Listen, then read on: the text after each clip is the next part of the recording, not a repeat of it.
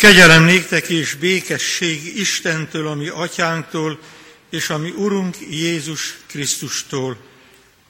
Amen. Szeretettel köszöntelek, kedves minnyájatokat, testvérek, az ígével. A tanítványok hirdették a Krisztust Jézust a templomban és házanként. Magasztaljuk Zsoltár énekléssel, ami Urunkat, a 65. Zsoltár első versét énekeljük. A 65. Zsoltár hálaadás testi és lelki jókért, Isten ajándékaiért. Ezzel a hálaadással is örömmel énekeljük.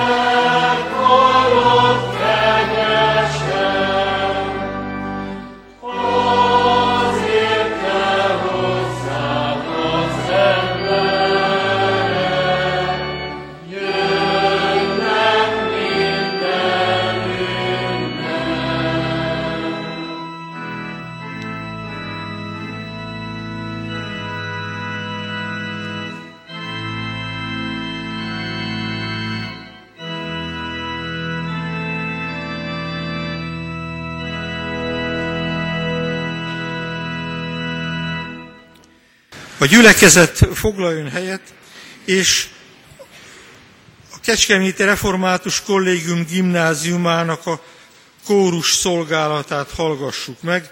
A kórust Jámbor Zsolt tanár úr vezeti.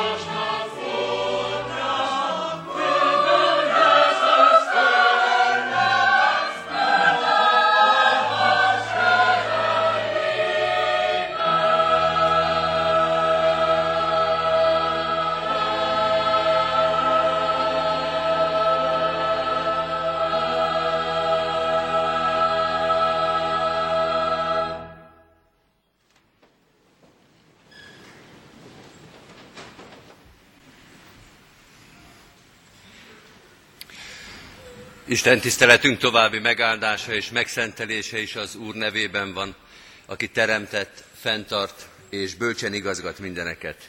Amen. Halljátok az igét testvéreink, Ezékiel könyvének 37. részéből, a 37. rész első 14 verséből. Isten igéjét terjedelmére tekintettel ülve hallgassa meg most a gyülekezet.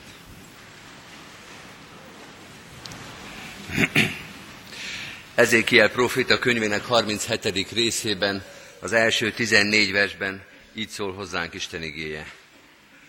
Az Úr megragadott engem, elvitt engem az Úr lélek által, és letett egy völgyben. Tele volt az csontokkal.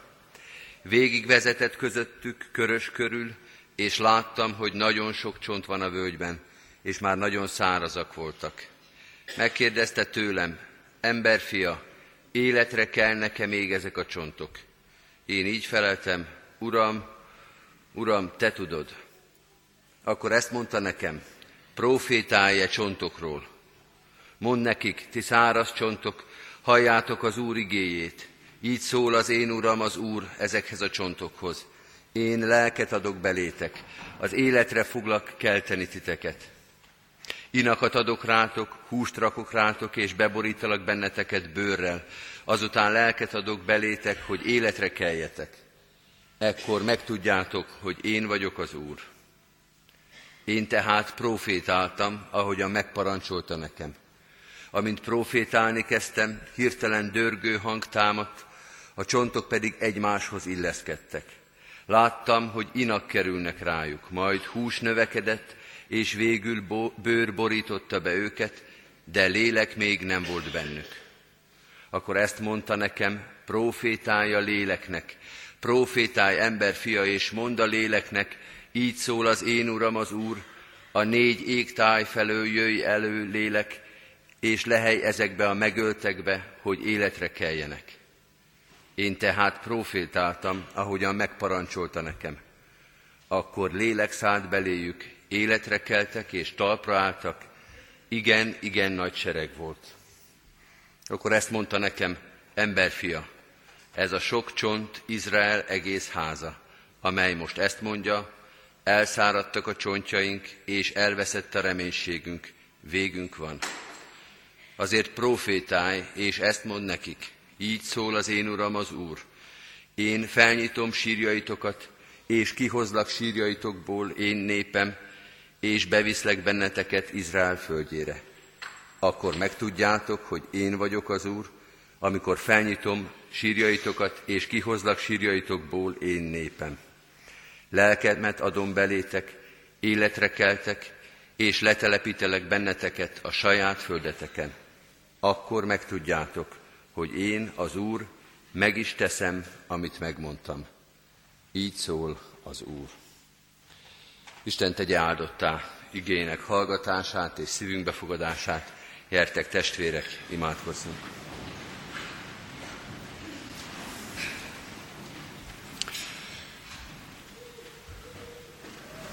Szentlélek Isten jöjj, és elevenítsd meg a hitünket, a közösségeinket, a nemzetünket, elevenítsd meg a Te egyházadat napról napra, hogy dicsérhessünk Téged, hogy melléd állhassunk, hogy vallást tehessünk rólad.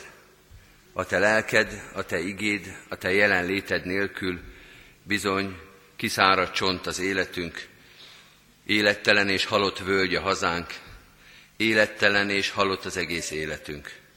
De te jössz, te szólsz, te profétálsz, és ahol semmi nem volt, csak halál és reménytelenség, ott te új életet kezdhetsz.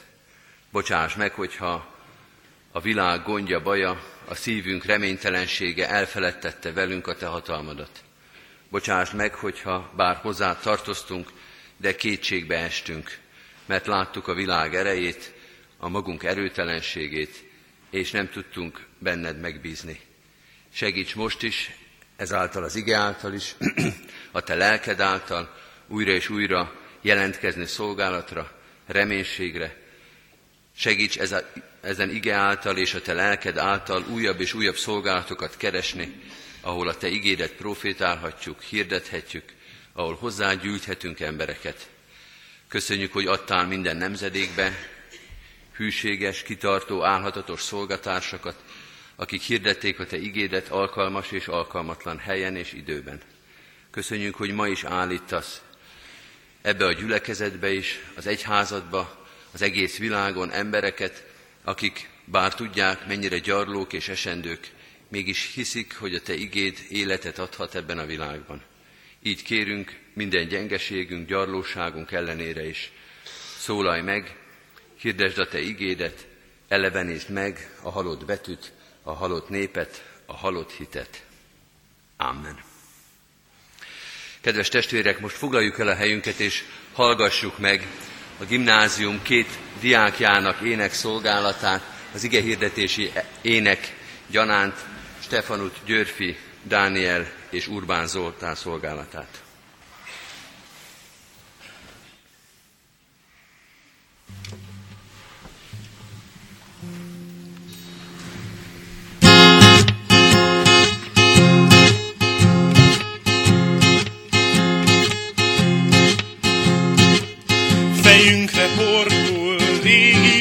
Vakolat, így énekeljük a drága Sion, egér futkározik a pad alatt, Sodvából egy-egy fénykuvik kiront.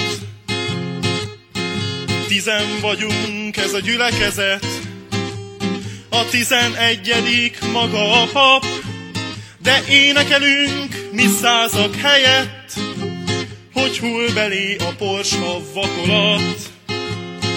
A hiúban a denevér riad, s egy-egy szuvas gerenda meglazul, tizenegyedikünk az árva pap, tizenkettedikünk maga az Úr. Így énekelünk, mi pár megmaradt, azt bünteti, akit szeret az Úr, s velünk dalolnak a padló alatt, kiket kiírtott az idő gazul, s velünk dalolnak a padló alatt, kiket kiírtott az idő gazul. Az ajtón mázsás lakat gályarab bilincs, tizen, kilencen, nyolcan sem vagyunk, gyülekezet, szolga, pap, senki sincs, legnagyobb hiányzó, maga az Úr. Há még egy sírkő zúzmóval takart, kézdi szent kereszti Lázár, Vilmos üzeni föld alól a tört magyart, csak annyit, mit egy jégverés kimos, a torony galambok nélkül inog, varjú, csókaraj, cibálja, gazul, nem a kő, nem a bezúzott ikon. Itt az idő az, ami meglazult. Fejünkre pókul égi vakolat, az orgonában szuette futam, nem énekel az sem, mi megmaradt. Hát kit szeretsz, és kit büntetsz, uram? Nem énekel az sem, mi megmaradt. Hát kit szeretsz, és kit büntetsz, uram?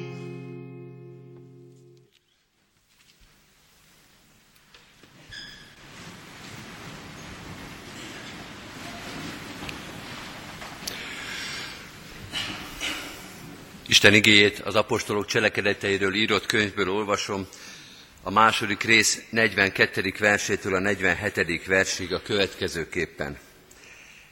Ezek pedig kitartóan részt vettek az apostoli tanításban, a közösségben, a kenyér megtörésében és az imádkozásban. Félelem támadt minden lélekben, és az apostolok által sok csoda és jel történt. Mindazok pedig, akik hittek, együtt voltak, és mindenük közös volt. Vagyonukat és javaikat eladták, szétosztották mindenkinek, ahogyan éppen szükség volt rá. Napról napra álhatatosan, egy szívvel, egy lélekkel voltak a templomban, és amikor házanként megtörték a kenyeret, újongással és tiszta szívvel részesültek az ételben. Dicsérték az Istent, és kedvelte őket az egész nép. Az Úr pedig napról napra növelte a gyülekezetet az üdvözülőkkel. Eddig Istennek írott igéje.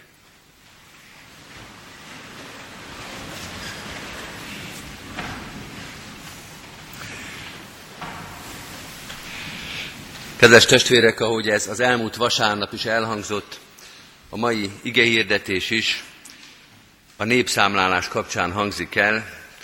A legutóbbi népszámlálás felekezeti vallási viszonyokra vonatkozó adatait szeretnénk az Isten igényének a fényében megérteni, Isten igényének a fényét rávilágítani a létszámadatokra. Hogyan kell értékelnünk a népszámlálási adatokat? Ez a kérdés. Sokat fogunk még ezzel a kérdéssel foglalkozni, nem csak ige hirdetésben, de Isten igéje nélkül bizonyosan nem. A múlt vasárnapi igehirdetésben, az első ilyen prédikációban az itt maradókról és az elmenőkről szólt Isten igéje. Ma a növekedésről szól, mert ez a kifejezés nem csak a modernitásnak az egyik nagy kifejezése, talán fétise is, ismerjük ezt a kifejezést, hogy fenntartható fejlődés, azért ez inkább a 20.-21. századnak a kifejezése, de mindenkor számára kívánatos cél volt a növekedés, és a keresztény gondolkodásban is benne van, inkább missziói gondolkodásnak, missziói szolgálatnak szoktuk ezt nevezni, de mindenképpen növekedést értünk alatta. Az ige, amely alapján szeretnék világosságot gyújtani ebben a kérdésben, az apostolok cselekedeteinek a második része az első gyülekezet, az első Jeruzsálemi gyülekezetnek az életét írja le, híres és fontos ige, nem csak azért, mert a gyülekezet gyakorlatát írja le nagyon röviden, de egyértelműen, hanem a növekedésről is szót ejt. Mind a két dologban elég világosan fogalmaz. Az első dolog, amelyet ez az ige megtanít nekünk, hogy az egyház növekedése egyedül az Isten kezében van. Az egyház növekedése egyedül az Isten kezében van. Ha emlékszünk még, ez volt a felolvasott ige utolsó mondata, az Úr pedig napról napra növelte a gyülekezetet az üdvözülőkkel. Első hallásra gondolhatnánk, hogy ez egy olyan kegyes megfogalmazás, amely talán valamilyen illemből is, vagy kegyességből úgy gondolja, hogy az egyházban valamilyen módon minden mondatba bele kell szőni az Úristent, és csak a növekedésről magáról szól. De, kedves testvérek, azt gondolom, hogy az első gyülekezetben ezt a mondatot az első szóval együtt is, ezzel a kizárólagos és határozott megfogalmazással együtt tartották igaznak, az Úr pedig napról napra növelte a gyülekezetet a legkonkrétabb valóságként élték meg, hogy a gyülekezet növekedése az a megtérők, a hitre jutók számának a növekedésével egyenlő. Persze könnyű volt nekik, hiszen még sem tradíció, sem intézményesülés, sem a karrier nem befolyásolta ezt a kérdést.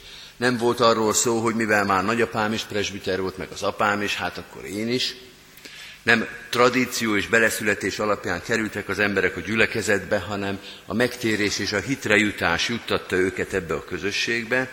Nem volt intézmény rendszere az egyháznak, amelyhez való tartozás egyfajta fegyelmező erőt jelentett, vagy legalábbis elvárást az emberekkel szembe, és nem volt karrier lehetőség sem kereszténynek lenni, sem állás, sem hatalom, sem semmi nem múlott azon, hogy valaki kereszténynek vallja magát, vagy nem.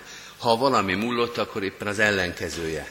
Még nem, de már lassan inkább veszélyforrás volt kereszténynek lenni, mint karriert csinálni vele. Tehát azt gondolták az első keresztények, hogy az a növekedés, ami létszámban is mérhető, az a hitre jutásnak a növekedése, már pedig a hit az Isten ajándéka. Isten hív el a hitre és a szövetségre, Isten adja ezt az ajándékot, és ember nem is teheti meg. Nincs olyan, hogy ember embert hitre juttasson. Bármennyire is szeretnénk, bármennyire is forró vágyunk, hogy aki számunkra fontos, a gyermekünk, a házastársunk, az unokunk, unokánk hívő legyen, nem tudjuk elérni ezt, az hit az Isten kezéből jön. Sok mindent tud az ember is tenni. Fogunk is még erről beszélni, de a hitünket mégis kizárólagosan az Istentől kapjuk. És az első gyülekezet ezt is tudta számlálni. Így értette ezt a mondatot. Az Isten sok embert hívott el hitre, és ezért növekedik a gyülekezetnek a létszáma. Érdemes ugyanezt fordítva is megfogalmazni. Ez így hangzik, nem érdemes az Isten nélkül növelni az egyházat. Nem érdemes az Isten nélkül az egyházban növekedést gerjeszteni. Az nem valódi növekedés, mondja ez az ige, ha olyanokat is beleszámítunk a statisztikába, akik az Istennel még nem jutottak dűlőre, de valamiért már kapcsolatban vannak velünk. Mondok néhány példát.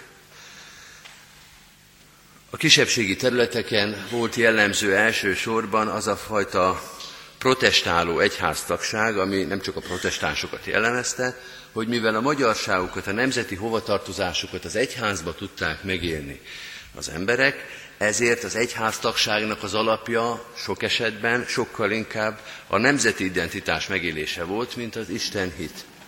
Isten kapcsolat nélküli egyháztagság, amelyet más célra használtak az emberek. Megérthetjük őket, bizonyos értelemben támogattuk is ezt a fajta egyháztagságot, mégis arról van szó, hogy növekedett az egyház létszáma, de nem a megtérők számával, hanem azokkal, akik nem kaptak a körülöttük lévő társadalomtól más lehetőséget a nemzeti identitások megélésére, csak az úgynevezett kisebbségi egyházakat.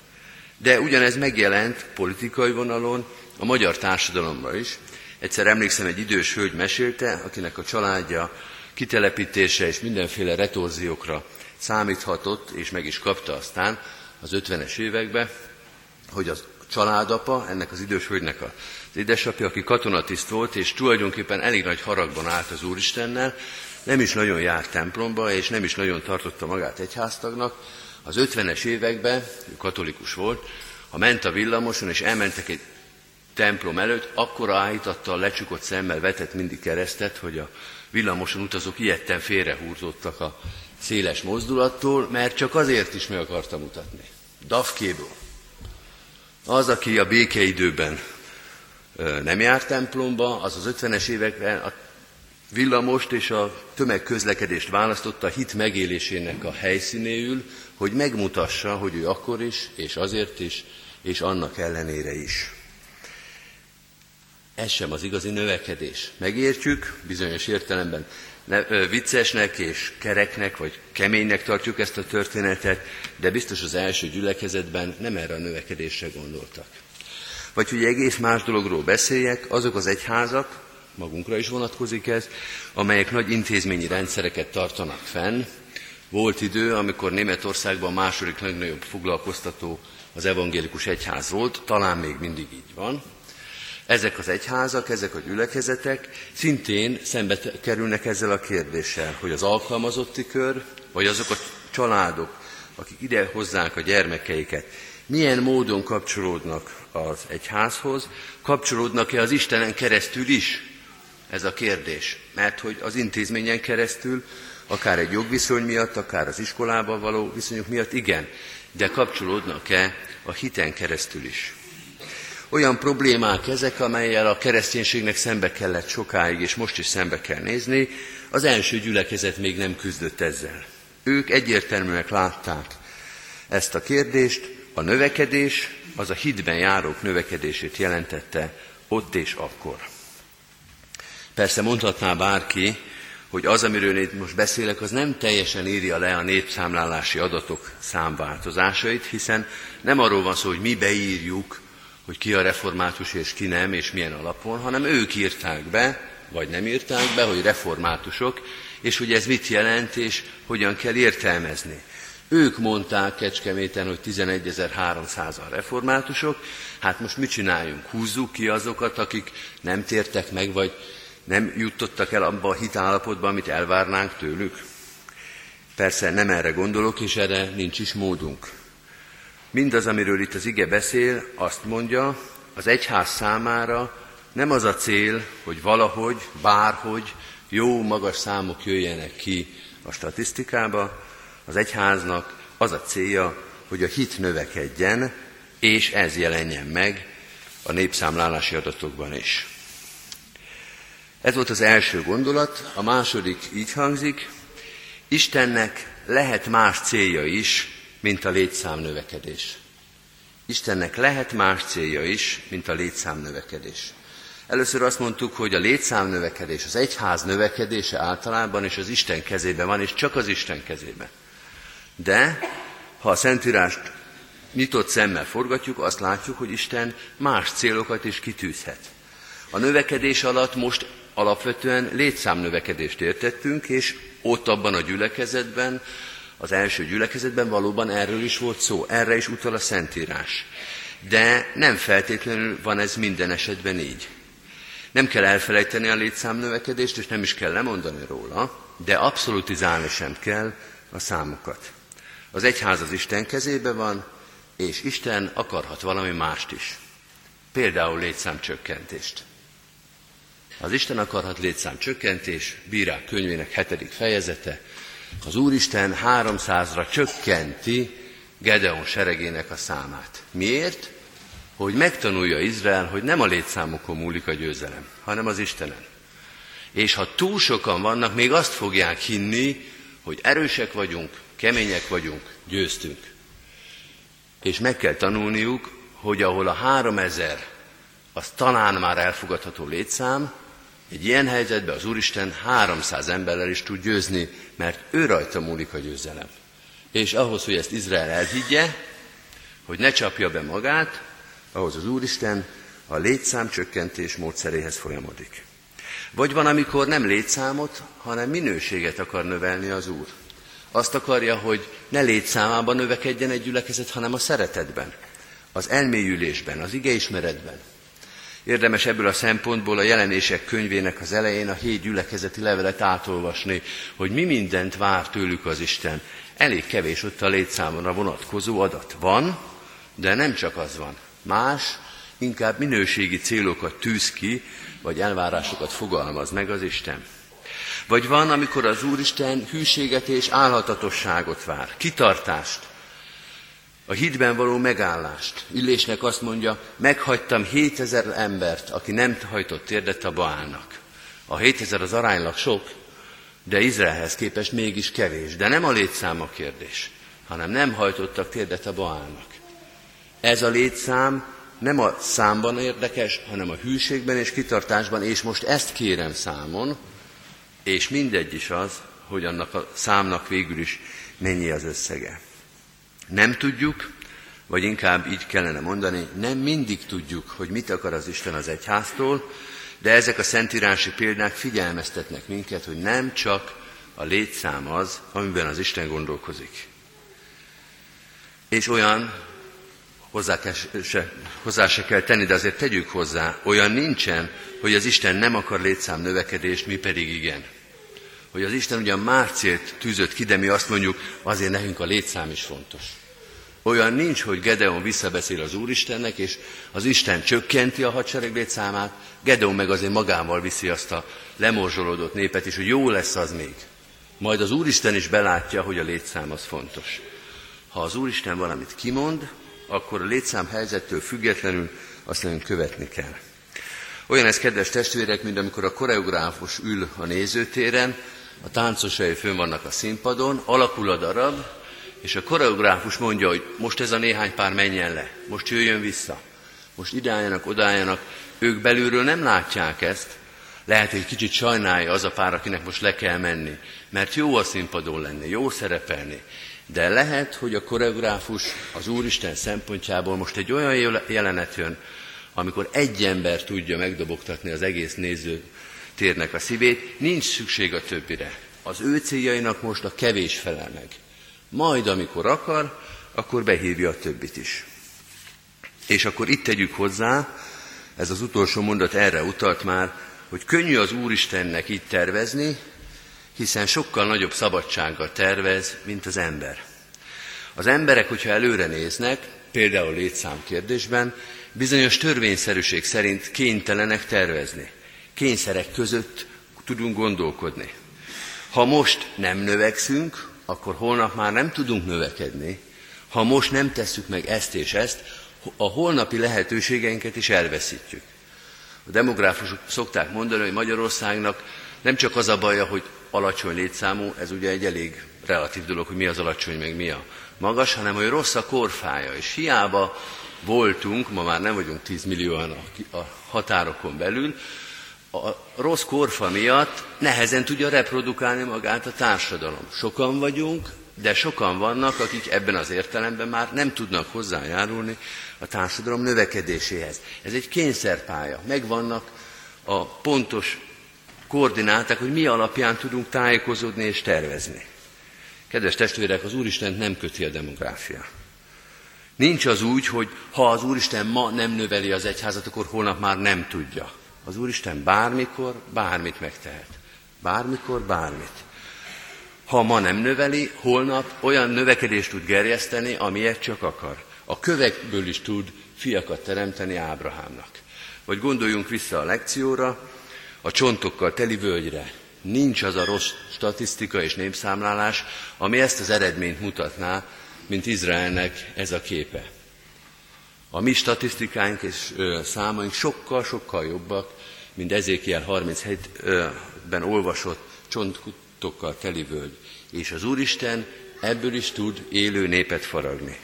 És ne gondoljuk, kedves testvérek, hogy ez valami költői kép, hogy egy szép túlzás, hogy elhiggyük, hogy az Úristen mindenható. Ez Izrael számára nem egyszer és nem kétszer, az Isten népe számára nem egyszer és nem kétszer, a legkonkrétabban átélt valóság, hogy úgy éreztük, és nem alap nélkül éreztük így, hogy elpusztultunk, meghaltunk, itt a vég, és az Úristen lelke elkezdett fújni, és ott állt az igen-igen nagy sokaság, amit az Úristen nem is tudjuk, hogy honnan, nem is értjük, hogy honnan, egyszer csak előhozott. Az Úristennek nem mindig a létszám növekedés a célja, lehetnek más céljai. De, és most jön a harmadik gondolat, az egyház feladata a misszió, tehát a növekedésnek a szolgálata. És tegyük hozzá a létszám növelésének a szolgálata. És ebben nincs ellentmondás. Az Isten kezében van a növekedés, a növekedést az Isten adja, ahogy olvasjuk az új szövetségi példázatban, és ő ebbe szuverén módon dönt. Ettől még az egyháznak az a feladata, hogy hűségesen végezze a magvetés, a plántálás, az öntözés szolgálatát. Nem az egyház feladata azt mondani, hogy akkor most tagnálunk, akkor most az a feladat, hogy hűségesek legyünk. Akkor most nem növekedni kell, hanem ezt vagy azt. Az egyháznak ez a feladata, és majd az Isten eldönti, hogy mi lesz a végeredmény. Kedves testvérek, az Isten az egyházi szolgák nélkül is, sőt ellenére is tud növekedést adni, és fordítva, Isten a leghűségesebb, leggondosabb, legkitartóbb egyházi szolgálat mellett is adhat mást, mint létszámnövekedést. Az ő dolga, hogy ezt eldöntse. A mi dolgunk a hűség, a feladatunk végzése. Elmenvét tegyetek tanítványokká minden népeket, hallottuk most is a keresztelőkor, minden időben és minden helyzetben. Az első gyülekezet példája, amit felolvastunk az apostolok cselekedetéről írott könyvben, szépen leírja. Igehirdetés, imádság, testvéri és urvacsorai közösség minden esetben és minden statisztikai számok mellett. Pál azt mondja a korintusiaknak, úgy tekintsen minket mindenki, mint Isten igényének a sáfárait, már pedig a sáfároktól elsősorban a hűség követeltetik meg. Nem az adat, nem a létszám, nem a növekedés, hanem a hűség. Mi végezzük hűségesen a szolgálatunkat, és az Úristen majd eldönti, talán erre nézve is, de nem ismerjük az adatait, majd ő eldönti, hogy lesz ebből növekedés, vagy nem.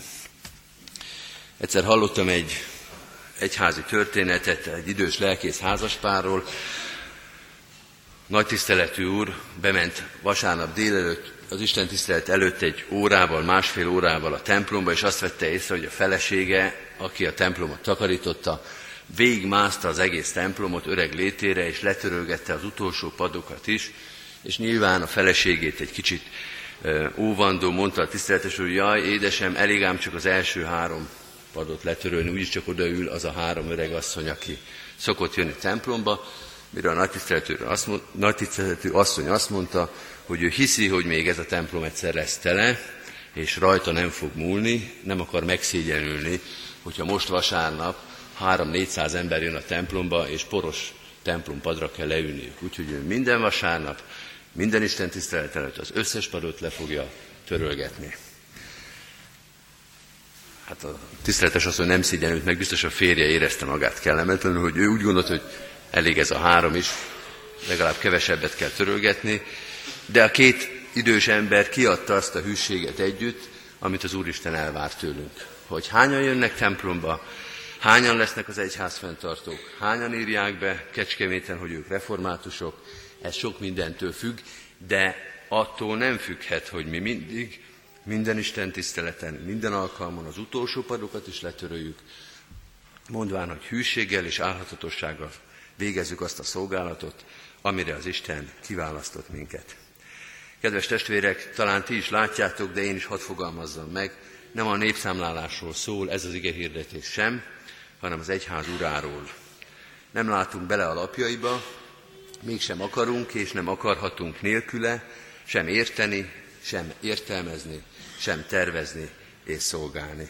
Adja az Isten, hogy mindig vele és mindig az ő igények fényében kapjuk a következő napot, szolgálatot, a következő lehetőséget. Így legyen. Hallgassuk meg most ismét a gimnáziumi kórus szolgálatát, az ő énekükkel válaszoljunk az ige hirdetése, a kórust most is Jámbor Zsolt vezeti.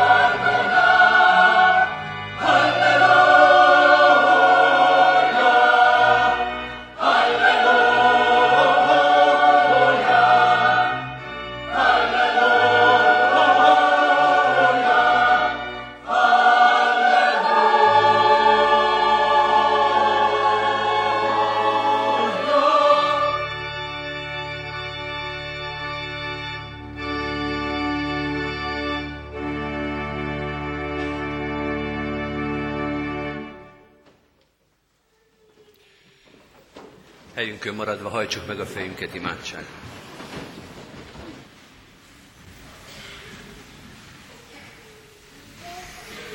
Urunk, hálát adunk néked nagy hatalmadért, mindenható szeretetedért, amely szabadon és nagy szeretettel alakítja ennek a világnak a sorsát.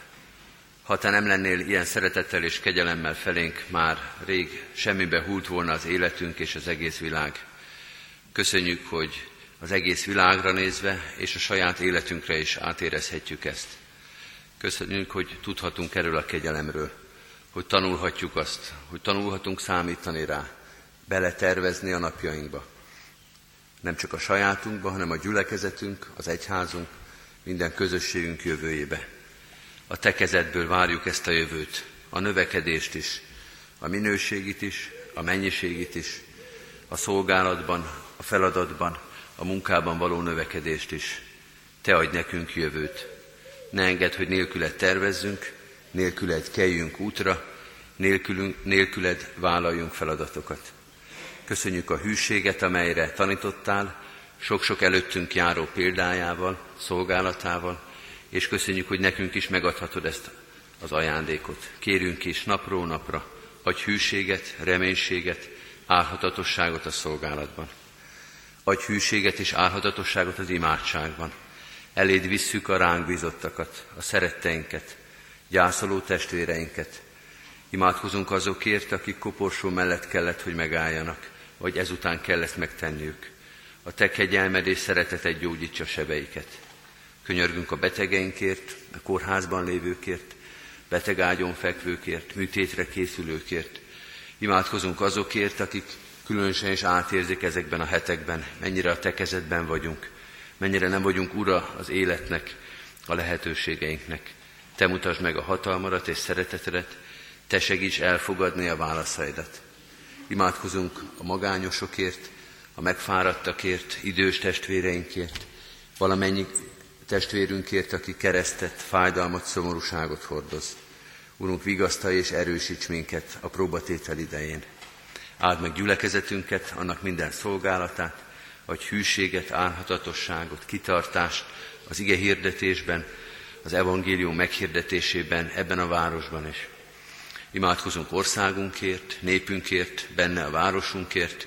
Hiszük, Urunk, hogy Te külön-külön is számon tartod-e közösségeket, feladatot, célt adhatsz ezeknek a közösségeknek. Kérünk is, adj nekünk feladatot, és adj hozzá hűséget és engedelmes szívet.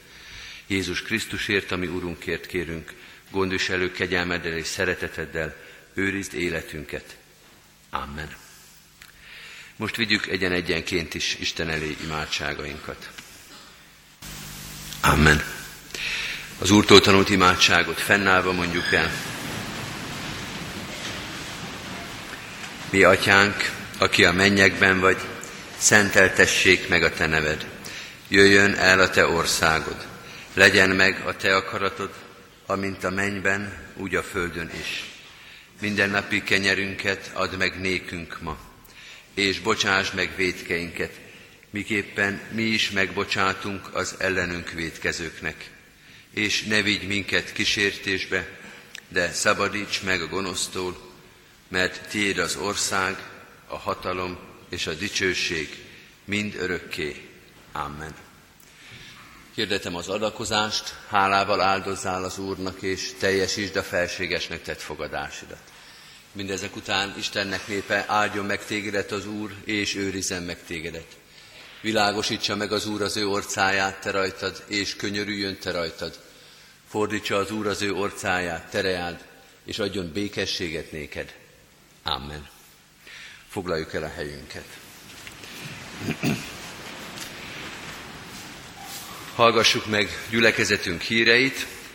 Mindenek előtt szeretettel köszönöm meg a gimnáziumunk kórusának szolgálatait, Először Kodály Zoltának a 114. Genfi Zsoltárra írott művét hallgattuk meg, majd a második kórus műben Cezár Franknak a 150. Zsoltárát, mind a kettőnél Jánbor Zsolt úr volt a karmester, karnagy, illetve Kovács Levente volt az, aki az orgona szolgálatot végezte. Az ige hirdetés előtt Stefanú Györfi Dániel és Urbán Zoltán verses énekét hallottuk Jékei Zoltánnak és Ferences Istvánnak a Maros Szent Imrei templomban című verseit adták elő. Köszönjük az ő szolgálatukat is. Most pedig, kedves testvérek, a záró énekünket énekeljük. A 378. dicséretünknek az első két verszakát és az utolsó kettőt, tehát összesen négy verszakot. Az első így kezdődik, adjunk hálát minnyájan az Atya Úr Istennek.